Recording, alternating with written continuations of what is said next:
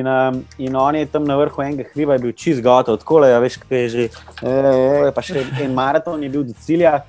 Um, in jaz primem res tipa za glavo, tam je bilo več ono, ki gre žleb in pod žlebom je una, koliko je to, 250 litrska kanta in ta sod. Sod, sod, ja. Primem Japonca za glavo in ga porinem direkt v sod noter, tako le. Tip se obrne in me pogleda, jaz sem takrat za trenutek se ustrašil, valjda mislim Japonska mi kada. Tam je vzika zdaj v bol. Sem bil nov meč, bo potegnil samuraj, nekaj. Razumeš, kaj sem naredil, prejel sem in sem še svojo glavo, da je videl, da je to.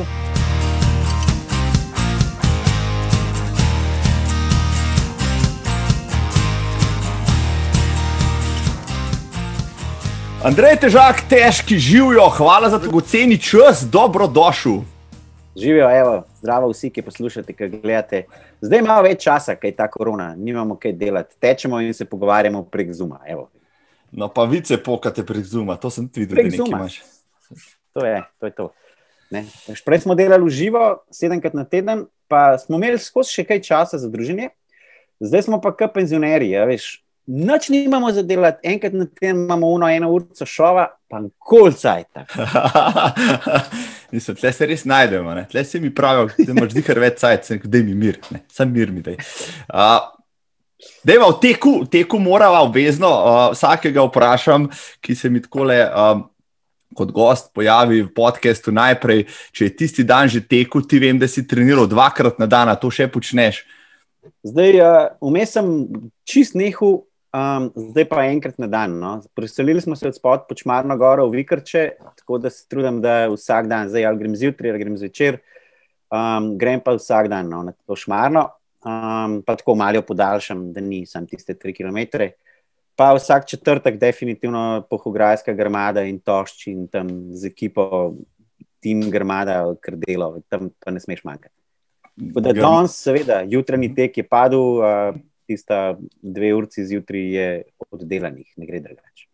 Dve urci zjutraj je rekel. Ja. Um, no, zdaj, glede na to, da ja, grmadari ste, ste že legendarna skupina, zdaj uh, Timotej Bečan in Betka Šuhel, pripravljata se, zdaj bo tam na Šmarni gori se nekaj začelo dogajati, ko se je težko vključiti na to sceno. Bog pomaga, že ko mi čakamo. Uh, Dejva pa najprej najno poslušalstvo, ki te morda še ne pozna, se verjamem, da je bolj malo takih, pa seveda gledalstvo, posebej dame tam zunaj, lepo pozdravljava. Razveseliti z malo bolj podrobnim opisom, kdo je Andrej Težak, težki, spoštovane in cenjeni. To je 24. epizoda podcasta za Gred za tek. Jaz sem vaš voditelj Marko Roblek, z, z svojo prisotnostjo me je pa danes razveselil nišče drug kot legenda slovenskega stand-upa Andrej Težak med ljudstvom znan kot težki. On je komik, eden pionirjev drugega vala slovenske stand-up komedije, nekdaj menedžer glasbenih skupin. Uh, sedaj je menedžer večine slovenskih komikov, so organizator več glasbenih festivalov, zadnje desetletje pa znan po festivalu Punch. Je soustvarjalec uh, Zagrebskega studia Smeha, voditelj dogodkov, človek iz ozadja, seveda pa že pet let navdušen tekač, ultramaratonec, dobrodelnež, uh, vodja fundacije Stand Up Maratonec, ki je v dobrodelne namene pretekel v Slovenijo, bivšo Jugoslavijo, prehodil Zlatorogovo transverzalo in 48 ur tekel okoli rožnika, sicer vegetarijanec, si tudi odličen kuhar, kaj ne težki in udeleženec šova Masterchef. Seveda sem brško ne pozabil cel kup stvari, prosim, dopolni me, spoštovani Andrej, kaj, kaj bistvenega bi še lahko povedala. Pa vse mislim, da, da, da smo zajeli. Te bistvene stvari. Um, imam kar problem, bom rekel, s tem, da, um, da sem zaradi tega, ker sem na toliko velikih stvareh prisoten, pa bom rekel ljudem manj znan, oziroma bolj ne vejo, kam me da. Kdo je ta komik, aj organizator, aj kaj zdaj še tekač, pa ultra, oh, ultramaratone, pa še dobrodelanje. Aha, aha, Zbiral za botrstvo, zbiral za UNE, zdaj svojo, tole stand-up maratonec, to je nekako se samo od sebe v bistvu rodil um, da, da smo šli v svojo to ustanovo oziroma fundacijo. Ampak to je to, um, skušam na vseh koncih uh, biti zraven in pol kar sem. Posod pa, ki sem zraven, pa grem tudi kar malo čez, čez mejo. Ker smo začeli stand-up komedijo delati, zdaj že več kot 15 let nazaj, so je večina ljudi rekla, da to v Sloveniji ne bo šlo. Tudi jaz sem bil prvi. uh, prvo tako, ne, kakšna stand-up komedija v Sloveniji. Pa, pa ko to jaz začnem, pa pa pritisnem na silo. Ne. In enako je bilo pri teku. Jaz sem res začel teči zdaj pet let nazaj, bolj zaradi tene um, zajbancije. Vse skupaj se je začel na Punch festivalu, ki je prišel um, Boštjan Gams, on je uh, organizator tega Alive Stepa, pa če poznate tek po stopnicah, kristalne palače.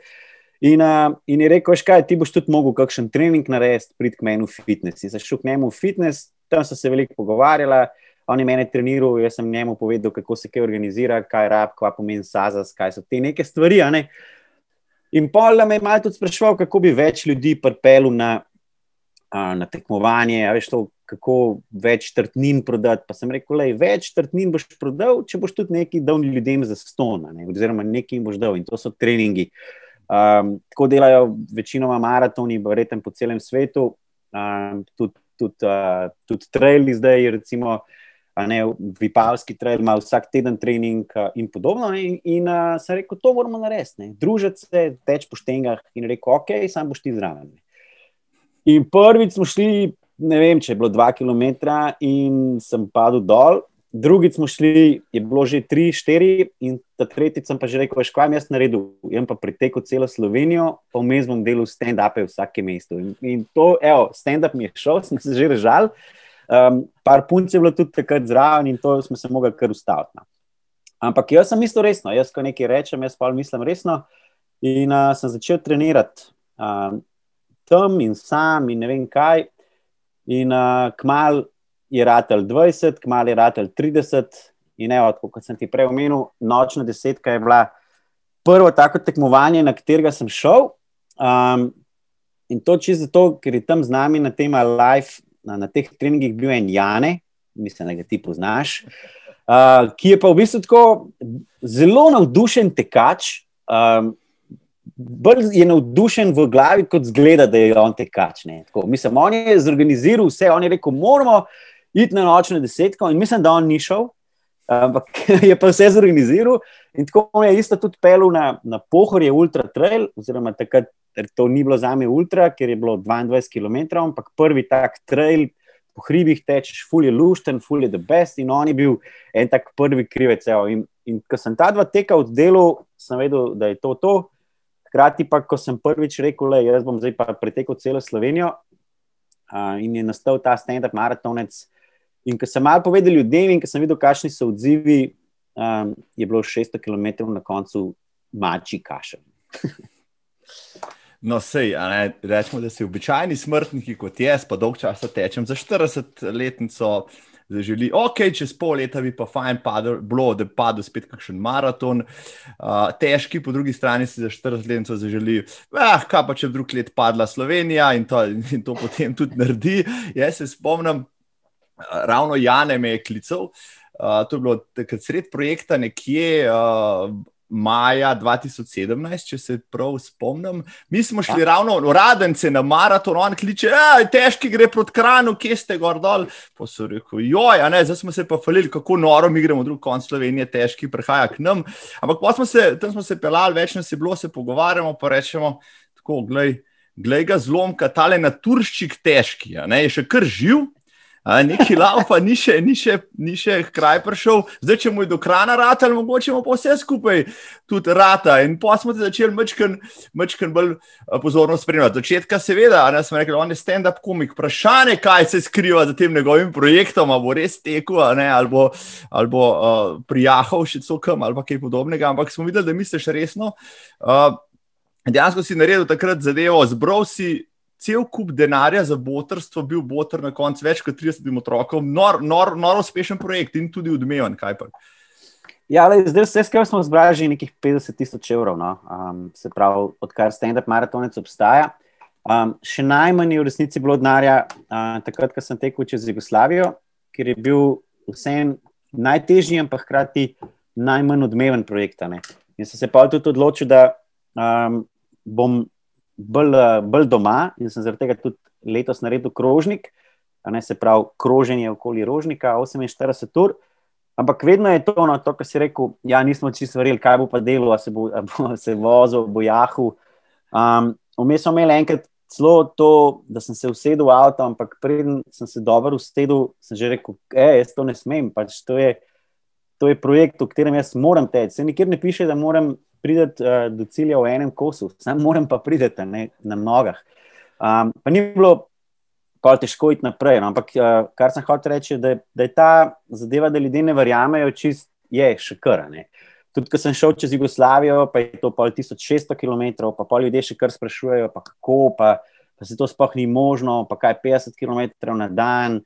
Um, mene pa to sam drive naprej. Tako da jaz mislim, da bom, evo, kar si rekel, za 40, jaz pa imam plan za 50. Ne. Moja želja je dejansko iz Južnoafriške republike preteči do Kamčatke. Se pravi, od najbolj od spodaj do najbolj gore to je nekih, mislim, da bo se nabral 25 tisoč km. Jaz mislim, da se to da narediti v enem letu. Vsi ultra tekači, s katerimi se družim, pravijo, da ne, da se to ne da. Kaj to pomeni? ne reči težko, da se ne da. ne, ni to to, no, ampak to si res želim, da bi to naredil, fulbo organizacijsko je to stvar, ki bo mogel dve leti pripravljati. Tako kot vsi moji projekti. Letos, ko sem tekel krožnik, mi je fotograf Boštjan, eh, ki me vsako leto slika, Boštjan Selinšek, je prav rekel, preden sem začel teči, rekel, evo, zdaj se boš pa lahko malo spočil. Uh, ker organizacijsko je bilo res do zadnje sekunde. Jaz sem sam prinesel zvočnike, ker zaradi korone so mi tudi vsi prostovoljci odpovedali, um, ekipa, mogel sem odpustiti ene ljudi, ki sem imel firmo. Glavno, nisem imel več, imel sem punco Majo, ki je bila tam z mano in treba je vse postaviti. Um, je na eni strani veliko stand-up komikov, letos tudi glasbenikov, um, pripovedovalcev, pravlic, ne, recimo Žiga X. Gombač, ki je tudi tekač, pa hkrati pravličar, mladinski pisatelj, je prišel tja in je povedal par pravlic. Poštjan Gorenc pižama, ki ni tekač, ampak je pravličar, je prišel povedati. V glavnem tako. Fulje pa še enega folka, pa neki bendi, uh, Free Kind, recimo, so se pripeljali prav iz, iz Graca, da so, da so odrepali par komadov, pa Umen Kuna, ki so taka freestyle reperja. Um, glavno, cel support, ne? vse ostalo moš pa vsem sam postaviti, ne? tako da celo prizorišče, pa zvočnike, pa uno, pa tretje, pa seveda se ti pokvari avto, glih takrat. Dobili smo od Balkan Campers nek prostor, um, avtodom, odlično drugačen, ampak tam je pa v hrib gor, ne, rožnik očitno je hrib, ne, ker je, ker je za ribo kombi. Tako da, ja, evo, to. No, uh, ampak zdaj si, zdaj si že veš tega, rekel tudi te kaške scene, pa organizacije dogodkov na tem področju. Ampak leta 2017 pa niti nisi še bil, to je bil prvi projekt tam po Sloveniji. Koliko ljudi si pa takrat vključil dejansko v to svojo organizacijo? Uh, uh, vem, da ti je pomagal par prijateljev, pa še par si jih navlekel, ampak to ni projekt bil sam za enega človeka. Ne bil kar ne, posebej, ker uh, moraš teči, če na vsaki lokaciji, od lokacije do lokacije in tako naprej, organizirati stand-up nastope in tako naprej. Ja, bilo je 30 lokacij, ne, ki so se ful dobro tudi vse odzvali. To so bili razni mladinski centri um, in razni lokali, ki so pa za to neko um, tam na lokaciji izvedbo poskrbeli oni. Um, dve punci sem imel takrat zaposleni, ki sta v bistvu čisto vse mogli splanirati, pa teraso, pa uno, pa da, je, da je takrat so prišli še drugi komiki. Čez 20 komikov, mislim, da mi je pomagal, to pomeni, da so vsakeč prišli na lokacijo, se pripeljali, tam počakali, začeli stand-up. Jaz sem pretekel, se vklopil, oddelal svoj odtek naprej, ali pa sem jaz prvi začel, odvisno, ne, ker so bili tri na dan, en je bil popoldan pa je bilo treba spromovirati, pa, pa ljudi nabrati na kup. Pa smo imeli tudi lokacije, kjer so prišli samo trije, pa, pa smo imeli lokacije, kjer jih je prišlo ogromno. Recimo v Kranju smo bili na bazenu, je bilo full ljudi, je bilo full fine. Um, ampak prav, ene lokacije so bile pa zelo švoh. V Trbovlah smo uleteli kar na eno tako um, pravličarsko nedeljo. Ali nekaj tasga so tam študenti organizirali, in smo pač kar tam nastopili, s tem, da sem malo zamujal, um, ker je bilo treba en, čez en hrib več, kot je bilo splanirano. No, oziroma, mal, Google litak ne pove. No, je, ne. Tudi zdaj bom rekel, ko sem šel po Jugoslaviji, ne, smo imeli manj ljudi v ekipi, ne, smo bili štirje, vse skupaj. Z mano je bila vodja poti, takrat moja punca.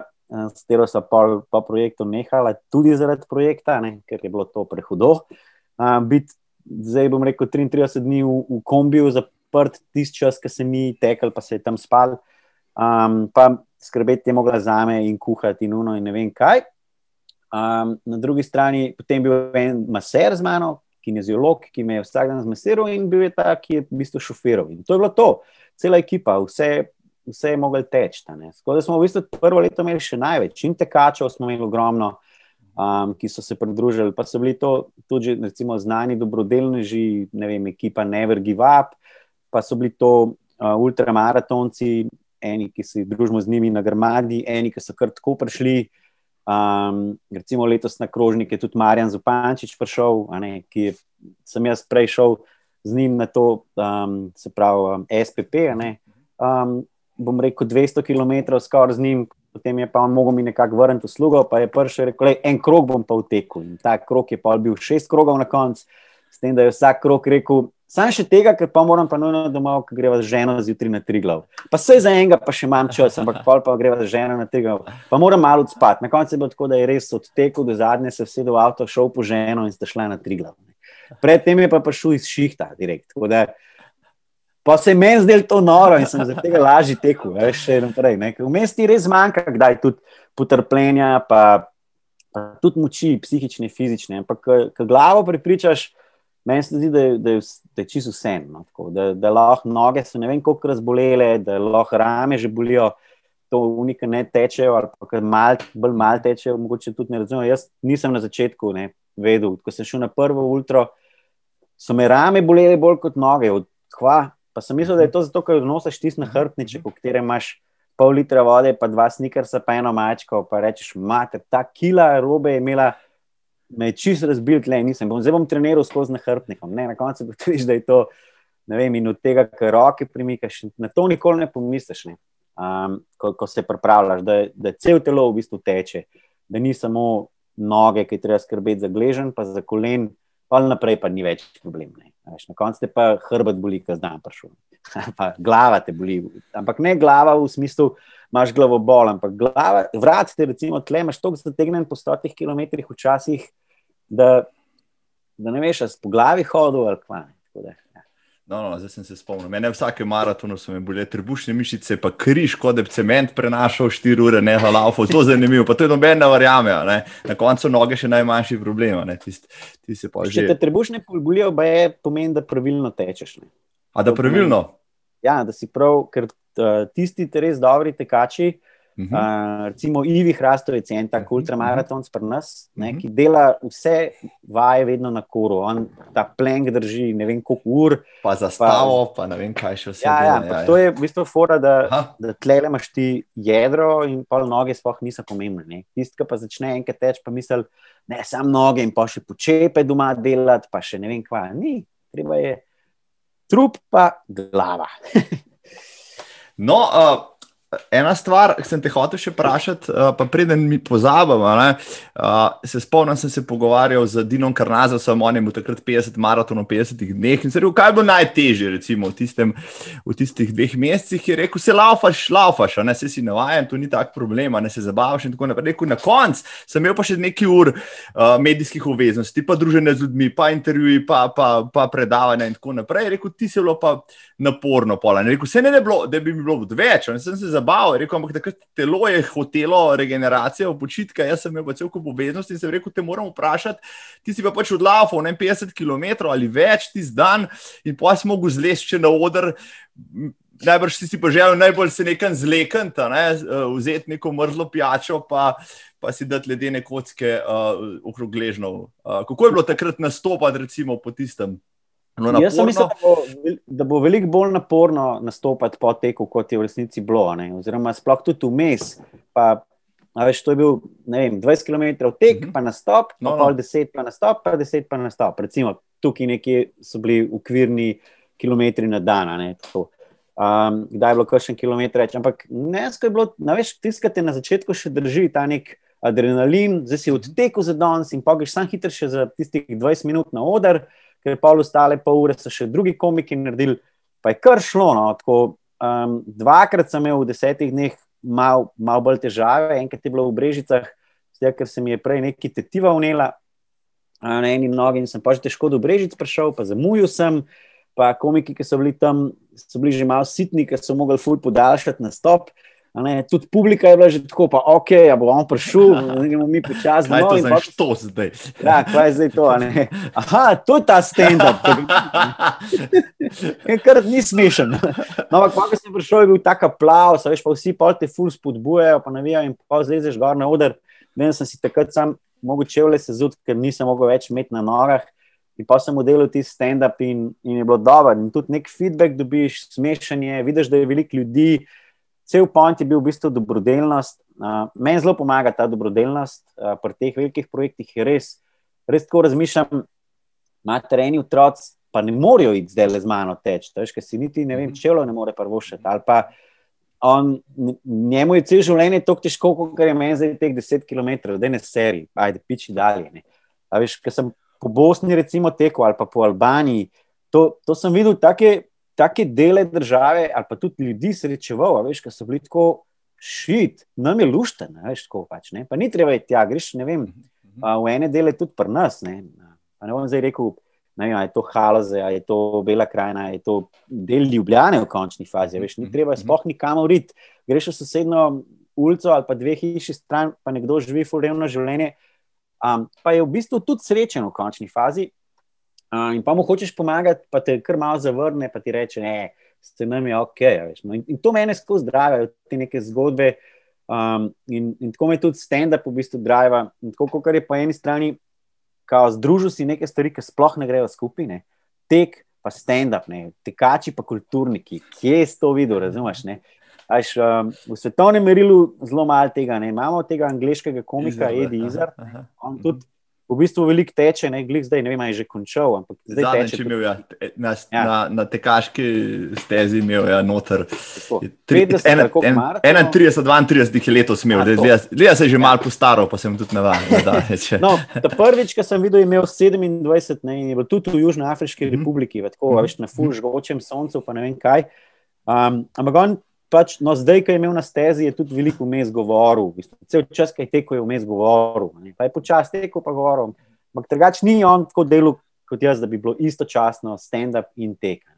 Um, ampak, uh, kar po eni strani to zgleda neverjetno, oziroma nezdružljivo, te v bistvu drive. Jaz sem mogoče sem tak človek, ki delam eno stvar, moram skozi imeti eno drugo stvar, zaradi katere to delam.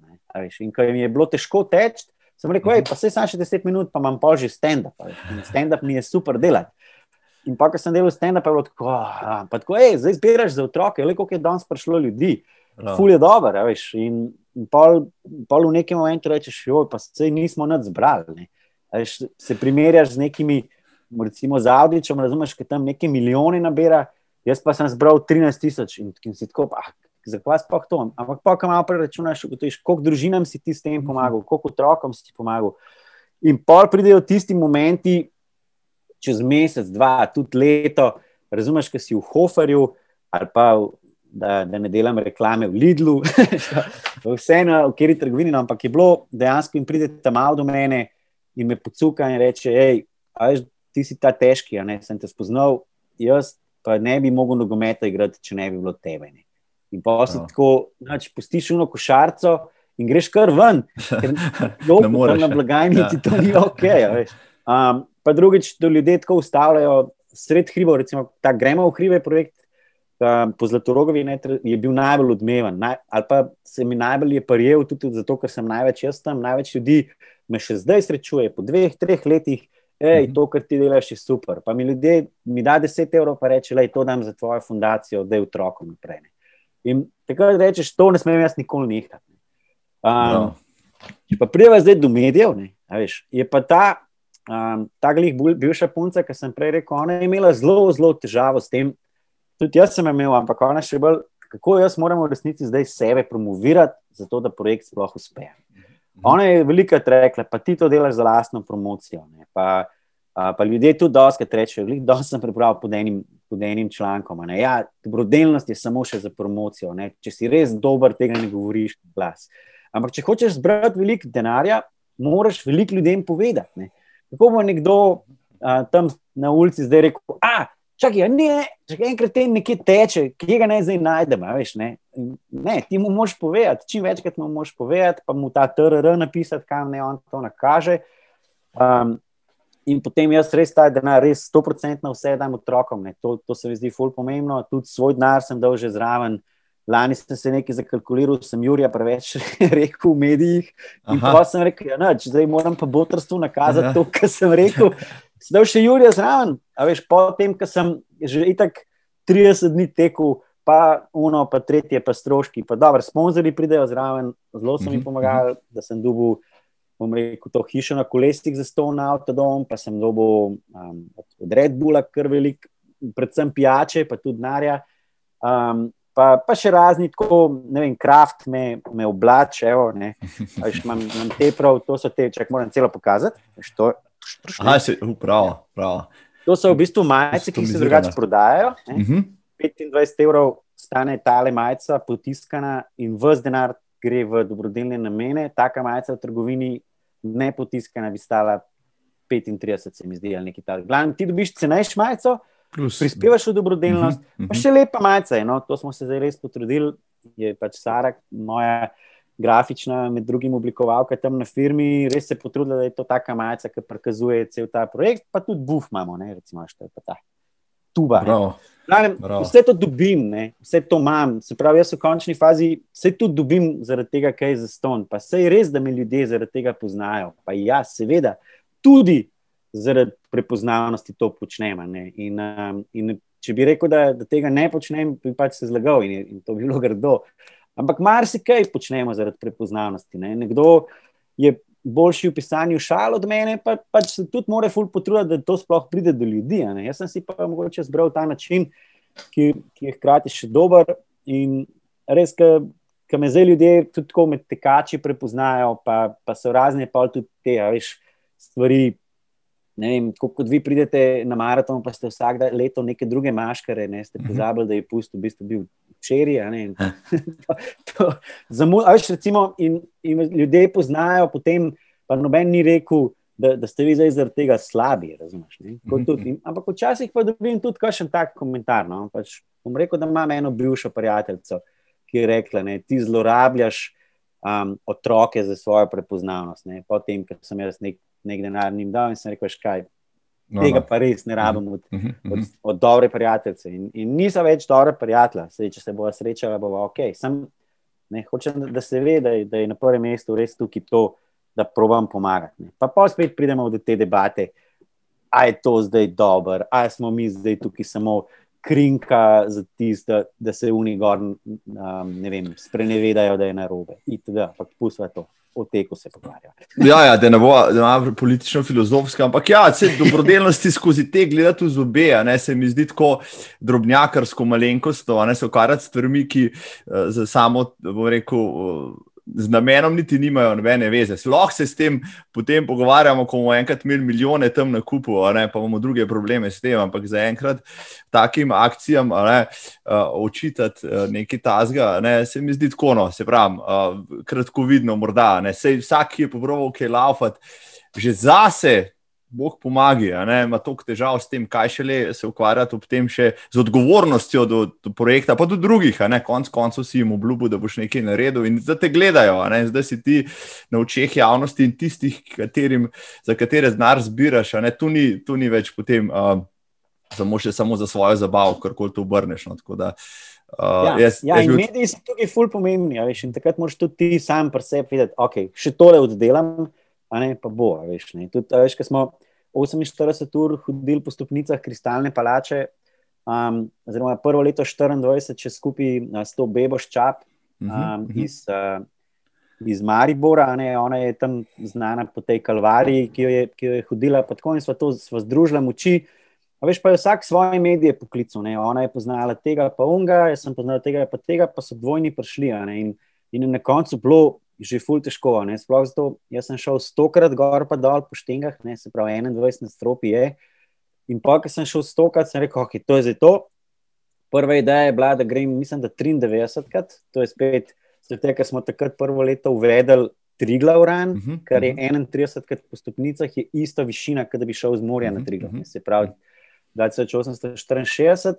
In potem je spet v Parjanetu, on je vsega kriv, rekel, škaj, zdaj pa če greš ti 24 ur, pa pojdi na Mount Everest. Je, je pa, to, to je pa 93. Rekel, okay. Pa, ko smo bili na 93, pa je bilo še par, ne vem, neki časa, pa sem rekel, škaj, stotka je taka lepa cifra, pa pojmo na stotko. Zdaj na Mount Everestu smo že bili, višji pa še ni bil noben. Jih to oddelam in je, mislim, da, bila, recimo, da je bila še ena ura.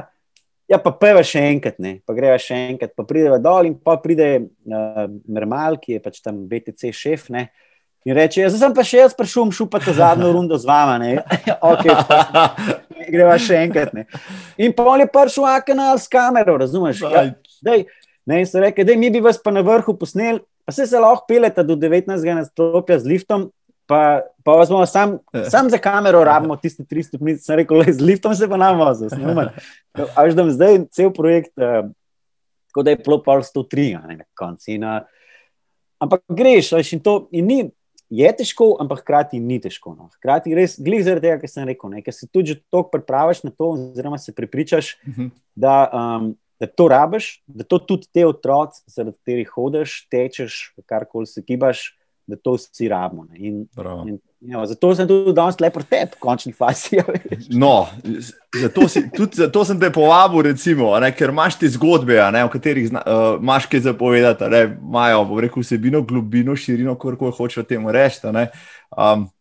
Lej, zdaj sem se spomnil, škoda, da se takrat še kakšen pahor ni najavil, pa še vsi ostali, ne bi si cel večer še hodil, ti bi pa pojel, ojoj, 105, 106, 107, pa ne bi mogel reči ne, ne.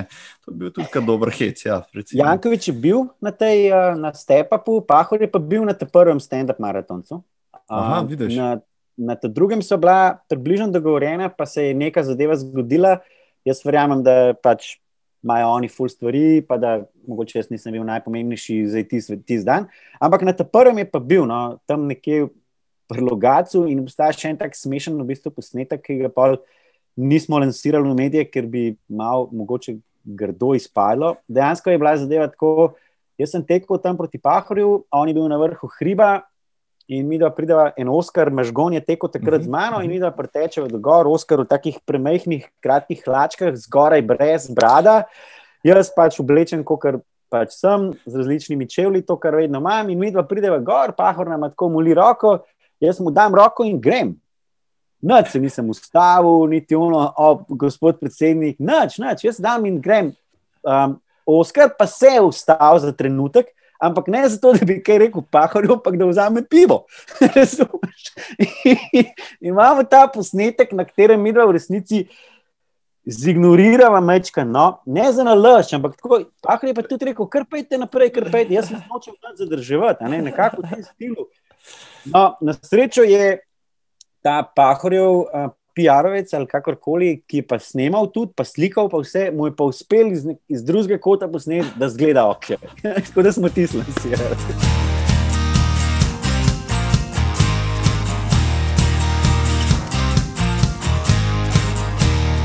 Ja, ampak hoče, kot sem v bistvu povedal, no, drugače pa da podpira no, tudi uh, in predsednik in, uh, in, in, in naš župan, tle Ljubljanski, da, da podpirajo te stvari.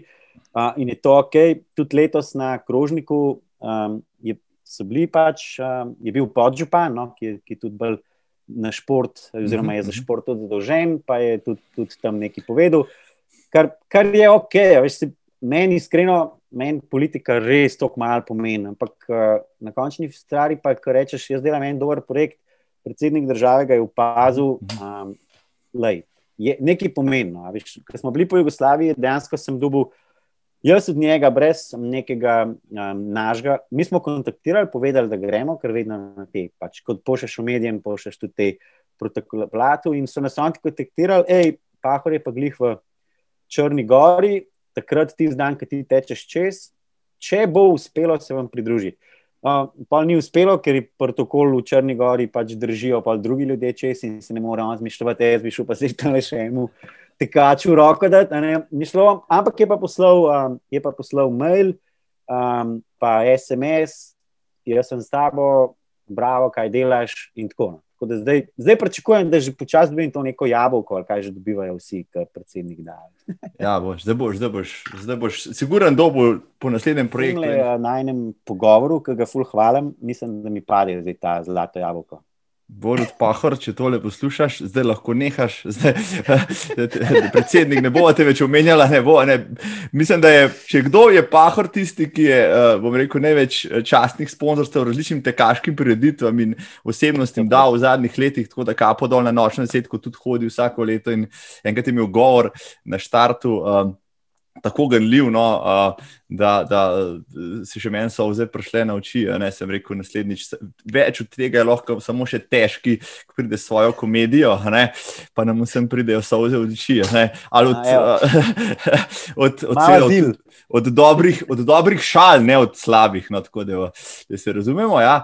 Uh, Uh, še eno stvar, no, meni si kristalno polačal teh 48 ur. Jaz, jaz se spomnim, mene je Gamsa, ne, enih šest let navijo, prid, prid, prid, ne, prid, prid, pa se reče, ne vsak let sem najdel drug izgovor. Ne. Potem je pa enkrat rekel, kaj se si tako ne upaš. Ne. Če 14 dni sem jaz dol, jasno, ne, na štartu tiste, tiste zadeve, uh, čez tri minute sem bil pokozlan na vrh te zadeve, ne, se rekel. Zdaj vem, zakaj sem se šest let upiral, Gams je bila cesta, ne, in potem zvem, seveda, ja, ne, težki pa to delo 48 ur, kaj jamraš. 48 ur, da mi povej, kdaj pa sploh še greš na kakšno štengo, če 48 ur, ure štenge, ki niso lahke, ne, so kar tako zahtevne. Jaz ja. sem prav polafot po tistem in sem zdržal nekih pet, pet štukov, pa sem pa pač zahodil ne, in skozi vse telesne podprtine zreklovil noter. Ne. Kako si to počenjal 48 ur, bog pomagi. Zdaj, ker sem 48, sem res, mislim, da skozi hodil, da nisem več tekel, ampak sem šel gor in dol, ne, torej nad liftom. Uh mhm. -huh. Prvo leto, ko sem pa 24 ur hodil, z tega sem jaz tudi parkrat več, kot, kot beba, ona je cel čas hodila, pa s palcami. Pa tako, jaz sem pa tudi enkrat so vmes prišli um, nečaki moji, mislim, da je bil takrat star 10 let, eden, ta ta srednji, in smo tekmovali par usponov gor dol. In to njega ni motil, da, da so štenge. On je žgal, kot pri norcih. Motocross drugače trenira in, in je tako, veš, že takrat bil kar pripravljen. In, ampak sva med se zdi, da je pet usponov naredila tako res, res na polno. Ne? Ker se spomnim, da je on na koncu rekel, ker še ne dva šel sam, rekel, evo. Um, sedem sem jih všel, del, že v delu, samo še tri moram. Ne? Pa sem jaz rekel, zakaj pa rabiš še tri, ker je pa šel čez dva dni na tekmo, ampak kot otroci, a veš, imajo pa samo do desetega nadstropja. Grejo, ne? Bil, ne vem, ne, sprav, manj je bil star, osem let. Ne, do desetega nadstropja, pa pa starejši grejo do, do 13. ali neka taka scena. Aha, sem se rekel, ne, deset nadstropij, ne deset izpolnil do vrha. Ja, no pa, pa sem šel že ne parket, rekel. Ampak, kaj mi najbolj mi je pa res takrat pomagal, tudi pri 24, ki je bilo več sicer še ljudi, zdaj na 48 se je to malo raztegnilo, pa je bilo tudi vmes, da ne, ampak skozi je bila družba. Skozi so bili z mano neki ljudje, pa so prišli, ne vem, celo iz Vipave, iz UTVV, -ja, pa so prišli čist ne športniki, so prišli eni bendi, Seven Days in May, recimo en bend, so prišli cel bend po špilu. -hmm. ne, se pravi, dveh, treh zjutraj, ko so se domov pripeljali, tudi imeli so že kakšen per preveč urit, ampak so šli, mislim, da dvakrat gor do vrha z mano, razumeš? Pa smo gor en komat še skupaj zapel, so imeli kitaro, v glavnem, veš, skozi sko je bila neka taka. Neka zabava, pa skozi suno, pa, pa te, pa komiki so prišli, pa, pa je prišla sestra s tam malimi, pa še celo mama je prišla, ki načeloma prej nikoli ni nekaj ful spremljala, zdaj pa, ker sem jaz to dobrodelno, se pa ona Mhm. Tudi uh, se najdla v tem, da, da, da, me, da me v bistvu malo podpora. In, in to, veš, in pa greš 48 ur in v bistvu sploh ne veš, kdaj, kdaj so se zgodile. No. Jaz sem od nekdaj imel to srečo, m, mm, da sem mal spal. Ne. Jaz uh, spim tam 4 do 5 ur na noč, pa enkrat na teden se odločam, da ne bom spal, pa ne grem spat. Ali pa se ne odločam, pa se zgodi. Priznam, da zdaj le malo drugače, uh, ker sem priženil tudi enega otroka, uh, tri leta mhm. starega. In tista energija, ki sem jo prej imel, da nisem rabo spati, jo ima zdaj on. da, zdaj, kajšno uro več spim, pa ta en dan na teden uh, smo spustili. No, In, uh, ampak sem, veš, to, tudi moj rekord, še v mojih taborniških časih, ki sem bil enkrat na Nizozemskem, je bil, da, da devet noči zaporedoma nisem šel spat. Vede ljudje po parih nočeh lahko že umrejo. Ampak, uh, tako da imam to ne? in tudi priznam, da zdaj javno. Uh, jaz sem mislil, da lahko podrem rekord uh, slovenske planinske poti, ker imam slabši tekač od vseh, ki so zdaj to naredili, se razume, tudi nimam toliko uh, let za sabo, uh mhm. -huh. ampak imam pa to prednost, da ne spim. Ne? Razumeš? In takrat, ko so oni moči šli spat, jaz lahko tiste dve uri, ne vem, zlezem na tri glav v tem času. No, pa sem pa leta šel z Marenom, z Pančišom, zdaj želim skupaj in sem rekel, hvala lepa, ta rekord je lahko zdaj je. jaz le nimam kaj delati. In tudi dejansko se mi tudi to kdaj zgodi, da se malo predcenim. Um, ampak pol stisnem do konca, razumeš? Sem, sem stisnil tako uh, 100 milsko tekmo uh, z vitim gležnom ali pa 130 km, ko sem šel na Korziki z vitim gležnom. Uh, za, zadnjih 70 km, da nisem mogel stopiti na eno novo, ampak sem prišel v cilj. No, Eh, planinska pot, pa vse je mogoče malo preveč. Pa tako me je zvil tudi na, na 360 km v Švici. Um, in tam sem pa pač mogel, mogel pač odstopiti. Ne. Sicer so bile tam tudi, so me s helikopterjem odpeljali um, v, v Bolenco, pa sem bil 25 ur na kablih. Tudi očitno je bilo nekaj narobe. ne. um, Dobil sem nek čaj za pit, ne. tisti, ki ste še niste. Ste še niste.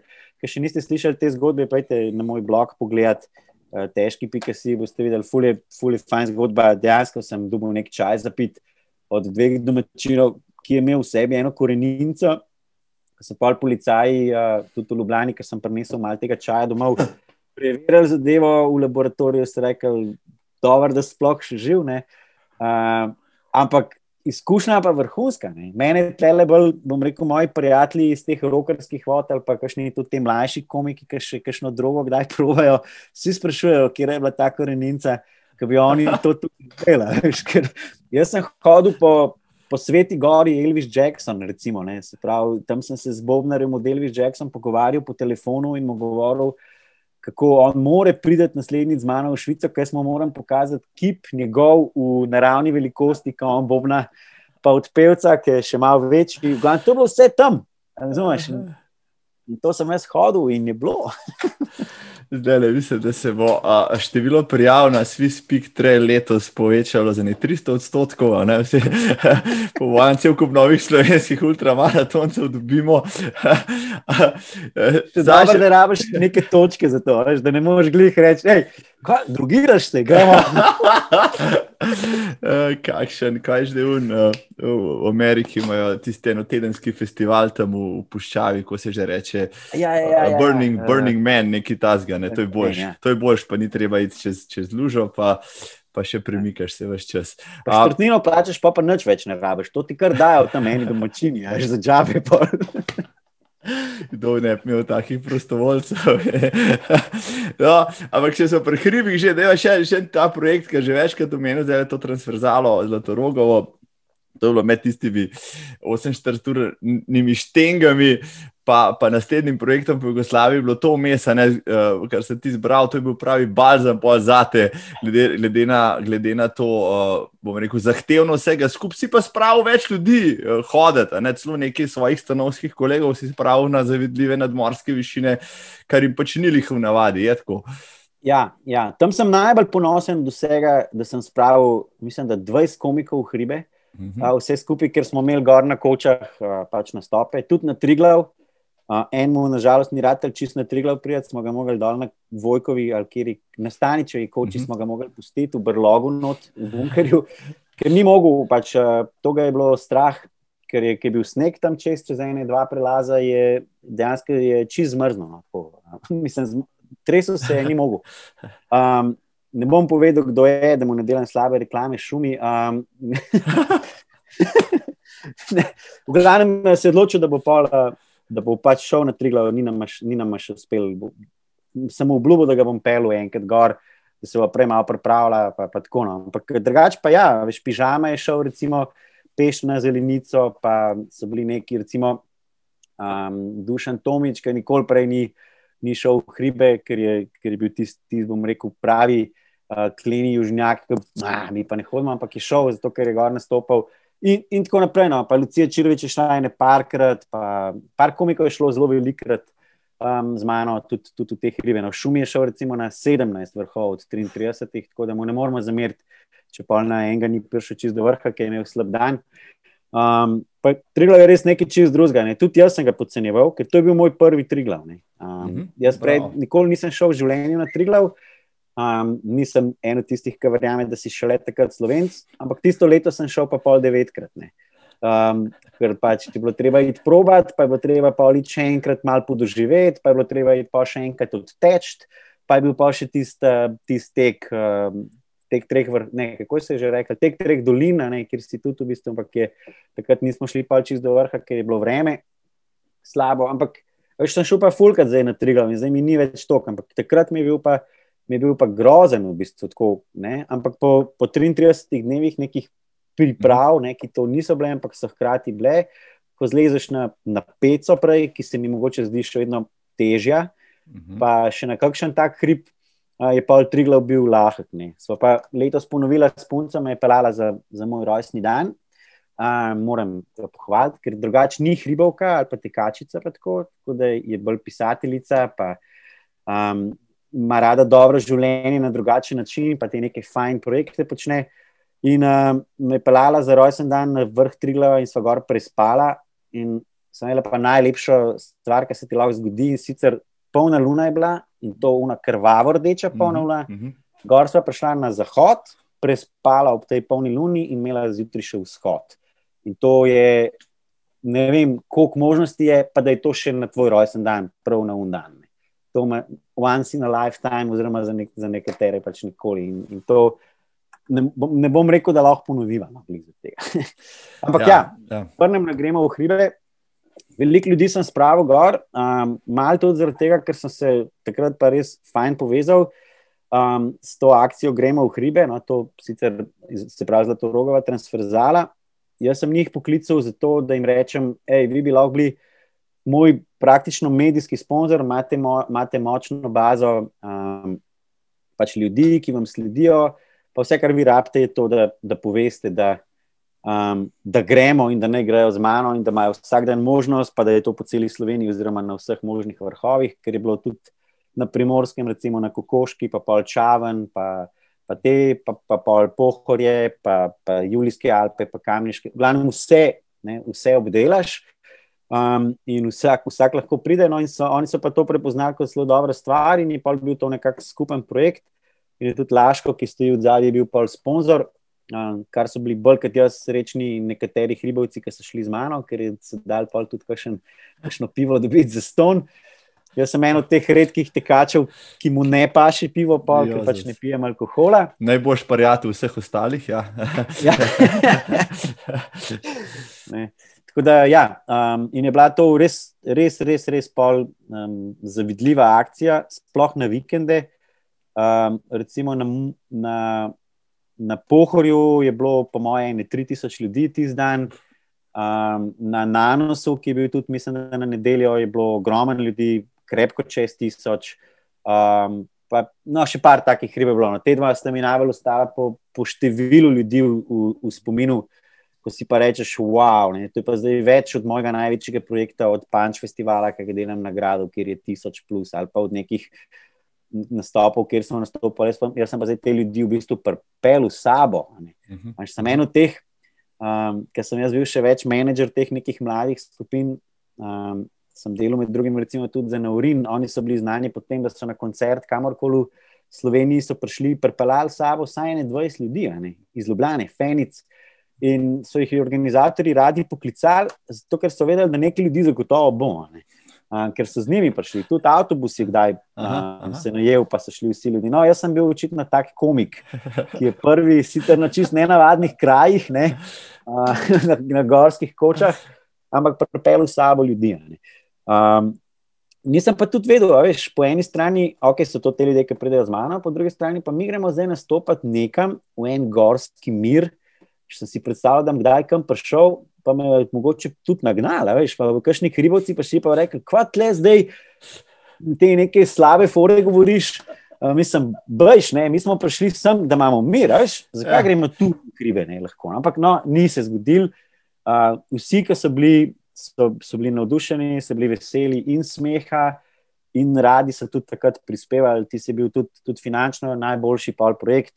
Um, iz, tudi, tudi sponzor, v glavnem vse je bilo. No. Tako da jaz mislim, da bom, da bom pri teh mogoče najbolj ustrajal. Se to je tudi moja najbolj um, ta zdaj ljubezen, ta nek tek po hribih. In bom verjetno ustrajal pri nekim, nekih podobnih projektih, kar se Slovenije tiče. Ali bo to ta krožnik, ki je v centru, pa bo, uh uh -huh. pa bo lahko čim več ljudi, ali pa mogoče neki, imam idejo, da mogoče to zlato rogo transferzalo malo mal podkrepim, pa mogoče več znanih ljudi, še, ki niso samo komiki, potegnem zraven, pa mogoče uh, kakšen medij ali radijsko postal, pa nekaj, pa da se pa mogoče še kakšne dodatne izzive doda, veš, recimo, da, da se na neki koči tam, pa tam more še to narediti, ali pa ne vem, more iti ta pa ta stabo, ki je. A veš, predstavljam si, da če grem na kum, da grejo z mano orliki, ker je pač to njihov hrib, in pol mogoče, ne vem, jaz moram z njimi gor za pet komat, gremo na kum ali kaj že je. Ali pa, a veš, take, tako, to se mi zdi bilo tako zanimivo, da bi še več ljudi. Je? In tle ste spet pri tistem, čim bolj medijsko odmevno, več ljudi, več denarja, več srečnih otrok. Bravo. prepoznavnost. To je nekaj istočnic, ja, zdaj so slišali, da so tudi modrijani, pa smo v harmoniko špilati, uh, na kakšnem kuclu se ne vem, kje so oni. Uh, drugače pa, zdaj si tako lepo povedal, se mi zdi tam zunaj. Vsi, ki imate kakšen uh, dogodek za organizirati ali pa koga, kakšnega nastopajočega za najet, pokličite uh, težkija, on zrihta uh, tehnikalije, on zrihta gledalce. Uh, te gledalci lahko še za jesti, pa za pico, oprnesejo. V bistvu sploh vi nič ne rabite, ne rabite se, nič, ne, v bistvu je en odr, pa en hreščajoč zvočnik, mogoče, ne, vse ostalo težke zrihte, vi pa sam nar poberete, pa je to to. Težki vdate. Ja, Malo mi date s tem, da ne rabite niti za potnike, jaz pretečem če potne ne rabi, pije, tudi ne, ne, mislim, noro, ne, mislim, ti si, mislim, ti si res tisk, dela, zlata jajca neseš, noro. Ja, ja, ja. No, skozi se, sko se malo, se pravi, hodimo okrog tvojega stenda, pa vse mora malo svetliti na enem poslušalstvu, drage dame, spoštovani gospodje tam zunaj, predvsem tekaško poslušalstvo je to. In ti si rekel, ti si združil dva svetova. Uh, fajn, da se jih, no, da pač tudi tekači spoznajo uh, to, to ram, žlahtno komedijanstvo, ki se, ga, ki se ga ti greš. Si namreč tudi eden začetnikov, uh, piše tam drugega vala, ampak se prej, prej tisti stari komiki se niso ravno imenovali stand-up, ti si pač rekel, ta žanr, na način to zvrst, dejansko potisnil v nek mainstream. Jaz se spomnim. Uh, boš več ti pol povedal. Vsaj 15-16 let nazaj je bilo, ko smo še uh, po študentskih letih malo zahajali tja v kut uh, na tiste impro lige. Impro pa, se te, pa se te spomnim tam, tiste veseličke, pa dupleških mornaric. In, in, in se mi niso ostali vici, mi niso ostali pa fore v, v, v spominu. Sem se pa spomnil, pa sem tuhto pred tem pogovorom. Rekel, ampak težki je se jaz spomnil. Pa ne zaradi da je imel tako dobre fore, ampak ker nekaj posebnega je imel to komunikacijo s publikom, on se je tam postavil in še tako slabo foro je znal vse to prodati. Dobro, da so se deci v tistih študentskih parih začeli krohotati, če že dekalce ne zraven. Ne? Se je rekel, Bog pomaga, ta človek ima, ta človek ima talent in potem se je izkazalo, da si, če drugega ne, ne si dober komik, ampak še bolj odličen pač pa organizator in tako naprej človek z vizijo, kaj se da s tem narediti teh 15 letih imaš svoj klub, uh, imaš akademijo, no, vse zadnje, ne, ker, ker uh, mlade komike izobra učiš, izobražuješ. Tako naprej. Ne, si neka siva iminenca tega stand-upa, zraven lahko najameš komika, to je zelo hecno. Uh, sam sem še, še manjkal, tako da bile slike. Lahko... So, če greš na ta pravi. Če greš na stran od desetke, so tudi slike. No, veš, pa tega tako 360 minut obrnil malo. Pa, ja, ja, tako, aha, pa da bi še kaj povedal. Ne, tako, rekel, tega bom tam, je res hecen. Ne, mislim, veliko velik stvari uh, v stand-upu ti počneš. Si, kje si rekel, uh, ali si zapisal, da si deseti brat? Uh, to je bila moja predstava v bistvu. Deseti to... brat stand-up komedije. Mal zato, ker, ker živim na Muljavi, oziroma zdaj sem se sicer v celo, no, ampak imam tam to neko kmetijo na Muljavi, kjer je mhm. deseti brat nastajal. En del te knjige naj bi bil tudi napisan na naši kmetiji. Pa spra, pra, pra, pra, pra, pra, babico, to, kar imam tudi v svoji šali, sta imela dejansko neko navezo. Uh, je bil neka ljubezenska pisma, smo našli po vseh teh letih na potrešju. Um, naj bi se tam pač nekaj stvari zgodile, no, se nima veze, v glavnem ni, ni bilo potem potomstva, tako da sem nesojeni naslednik, pa pisateljski. Ne. Ampak ne, uh, hočem reči, deseti brat, ne, za tiste, ki veste simboliko. Ne, to je mm. tako, moški so bili deseti brat, ženske so bile desetnica. To je tisti nezaželen otrok. Ne. Ponavadi so to neki plemiški otroci, nezakonski, z nekimi služkinjami ali pa nekimi. Uh, glavno, nezaželen otrok, ni nujno, da je deseti, ne, lahko tudi prvi ali pa sedmi, pa ni važen. Ampak uh, tako se jaz počutim v stand-up komediji, včasih uh, kot menedžer, ne, tisti nezaželeni, ampak nujni del. Ne. Se pravi, mene ljudje pokličajo, z mano se zmenijo za ceno, z mano se zmenijo za vse tehnikalije, z mano se zmenijo vse, zato da komik sam še napiše šale, pride tja in je smešen. In, in to je neka taka stvar, ki se doskrat ljudem zdi um, nepotrebna, ampak se je izkazalo, da je, je zelo nujna. No. In pri bendih, in pri, pri komikih, in pri kakšnih drugih umetnikih, tudi fotografi imajo zdaj že recimo menedžerje, pa slikari, pa tako, uh, ki je bilo včasih čist, čist nenavadno. Ampak uh, to je tisti človek, ki, ki poskrbi za to, da pol ne pride do prepira. Pa če že pride do prepira, pride z mano kot menedžerjem, mi da se lahko tle vse skregava, pa na koncu pride do tega, da to stane toliko denarja in pa ti na koncu pristaneš, in da moš imeti zvočnike, pa um, pa tret, ker komik, ko pride enkrat tja, pač tega ni, pač ne bo dober nastop. Ne. Ne bo, ali pa sploh ne bo nastopa. Pa, kaj, mislim, vse sorte se lahko zgodi in ni v redu. In če je komik slabe volje, ko stopi na oder, pa pač ne bo tako dober nastopa. Ne. Jaz imam sicer to neko umetnost preklapljanja, da tudi če grem nastopati, ker tudi grem, uh, pozabim takrat in nisem več menedžer, ampak sem zdaj sam še komik. In tisto, kar se mi je prej skregala in, in zrešila, in smo se zdaj zrešili, jaz grem na oder in, in nisem, ne vlečem tega s sabo. No. Uh, drugi komiki, pa večina ali pa umetniki, pa to niso in to ne uspejo. Um, tako je verjetno zaradi tega tudi stand-up na začetku pri nas. Recimo, boljši uspel kot v nekih drugih državah, bivše juge, kjer so začeli celo pred nami. Ne. Hrvati so začeli dve do tri leta pred nami imeli, imeli fajn zasedbo, imeli par dobrih komikov, Marina Orsa, ki še zdaj obstaja, pa Peđa Bajevič. Pa tako, uh, in so pred nami začeli, ampak so šli čist prehiter na televizijo. Noben ga ni bilo, ki bi to zorganiziral, ki bi to malo nazaj potegnil, kaj treba, ki bi purinil takrat, kaj treba. Jaz pa sem to tle bil. No. Na račun tega je mogoče tudi doskrat trpela moja komedija, ker če hočeš biti stand-up komik, moraš si res vzeti čas za to, to je služba, to je, to je tisto, kar, kar počneš pol 8, 10, 12 ur na dan, vse čas si v neki pripravljenosti, pišeš šale, včasih tudi na silo, um, krepiš ta svoj, bom rekel, komični um. Uh, Imáš ta izkrivljen pogled na svet, ki ga pa kot menedžer ne smeš imeti. Ker če se pogovarjava, bo 100 evrov ali bo 200, pa je to to. Veš, zdaj, ti rečeš 100, jaz pa 200, pa pa je šta bilo, bilo. Ne, veš, pa mi ti prineseš en ne vem, banka za 300, pa jaz rečem, je vse smešno. Ne, ne, ne more biti. Um, tako, no, veš, pa na račun tega tudi sem jaz mogoče rabo več časa, kot je rabo, ne vem. Ali pižama, Perica Jerkovič, ki smo takrat recimo skupaj začeli, pa pol tim vodopijati zelo malo, um, Klemen Bučen, Klemen Mahler, to je pa neka ekipa, ki smo štartali. Jaz sem bil tak, ki je to probo nekako držati malo skupaj, pa vsem da so ljudje imeli vsak neko svojo. Stand-up komedija je solo šport. Zdaj, če ti solo šport probaš delati v ekipi, je ful težko. Ne? To je kot tek. Veš, vsem, lahko smo mi, smo mi ekipa, um, pa gremo skupaj na tek, pa se lahko zmenimo, pa najemimo avtobus, pa gremo vsi skupaj v Berlin na maraton. Sam, kar smo pa na štartu, je pa vsak sam. Uh, pa tudi si lahko vmes pomagamo, ne? si, ne? Ne vem, veš, ti padeš, pa nekaj ni v redu, pa jaz sem glih najbližji, pa ti pomagam, sploh na trailu je to skoraj, mislim, je to pravilo, ne? da moš pomagati, če ne, nisi ok. Um, in, ampak na koncu pa skozi cilj gremo, pa vsak sam. Veš, ne? To, ne? Redke so te neke zgodbe, ok, jaz sem šel na Jahori, na Ultra Trail, moja prva stotka, so šla z Oskarjem Mažgonom skupaj smo šli skupaj od začetka do konca in je bilo fajn, smo se imeli super. Jaz sem se imel, ne vem, ali še on tudi pravi, da ja, ampak ne vem, ali laže.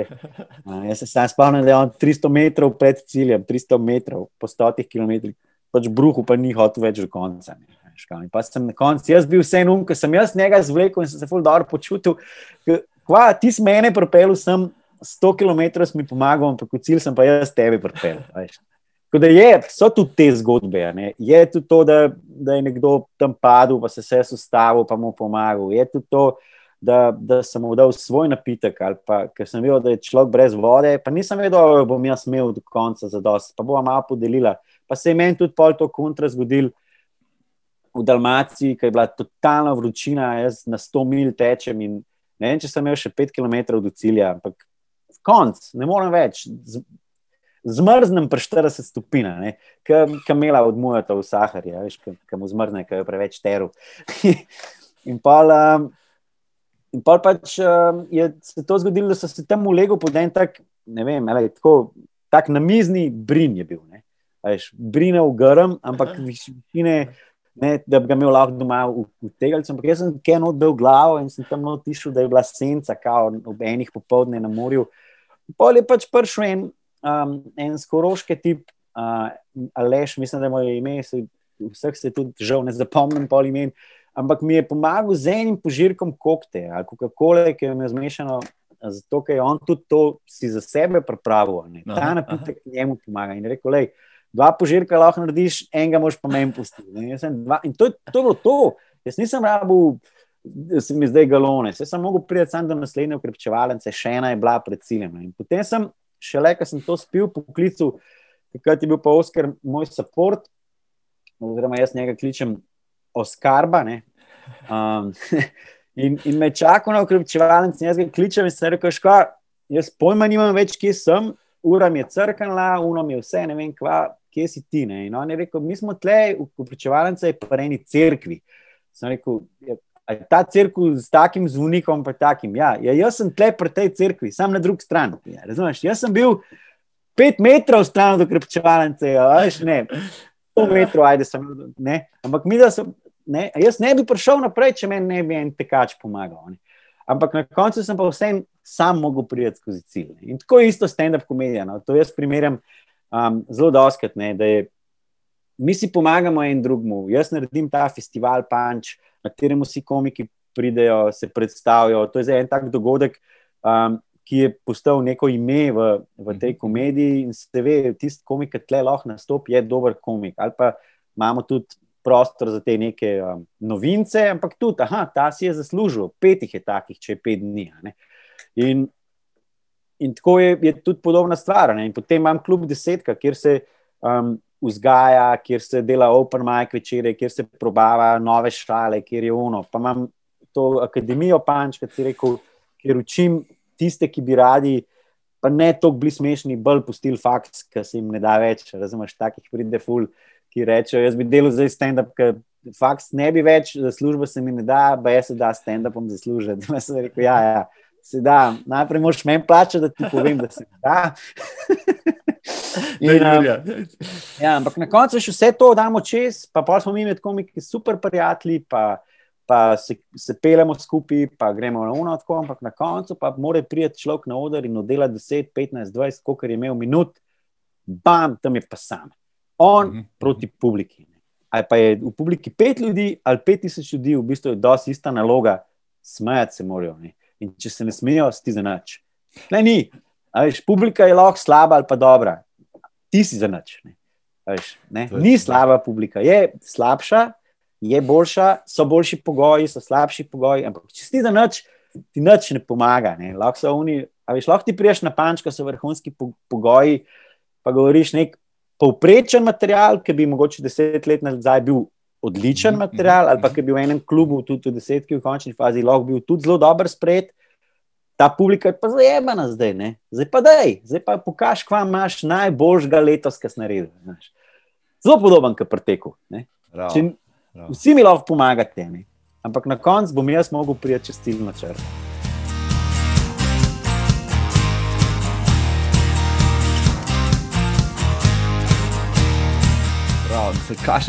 Kakšna dobra, dobra usporednica, za čuda je tako malo uh, komikov, stand-up komikov v, v Lauferiji, za čuda. Ne, edina razlika tle je, seveda, ko prideš v cilj, pa če se ti ne Lauferiji smejijo, to ne brž ni dober znak, pomeni, da se ni dobro kozlanje obrisal ali pa kaj tasga.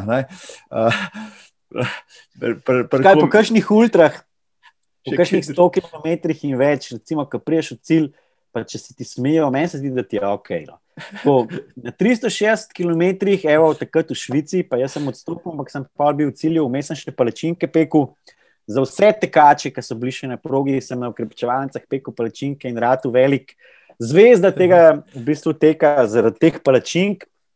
Um, ampak uh, so prišli eni ljudje v cilj, med drugim tudi, recimo, uh, Kristi, ne, Tomaš uh mhm. -huh. Kristačnik, ki je pač bil takrat med Slovenci, smo se mu smejali, ampak mu je bilo fajn.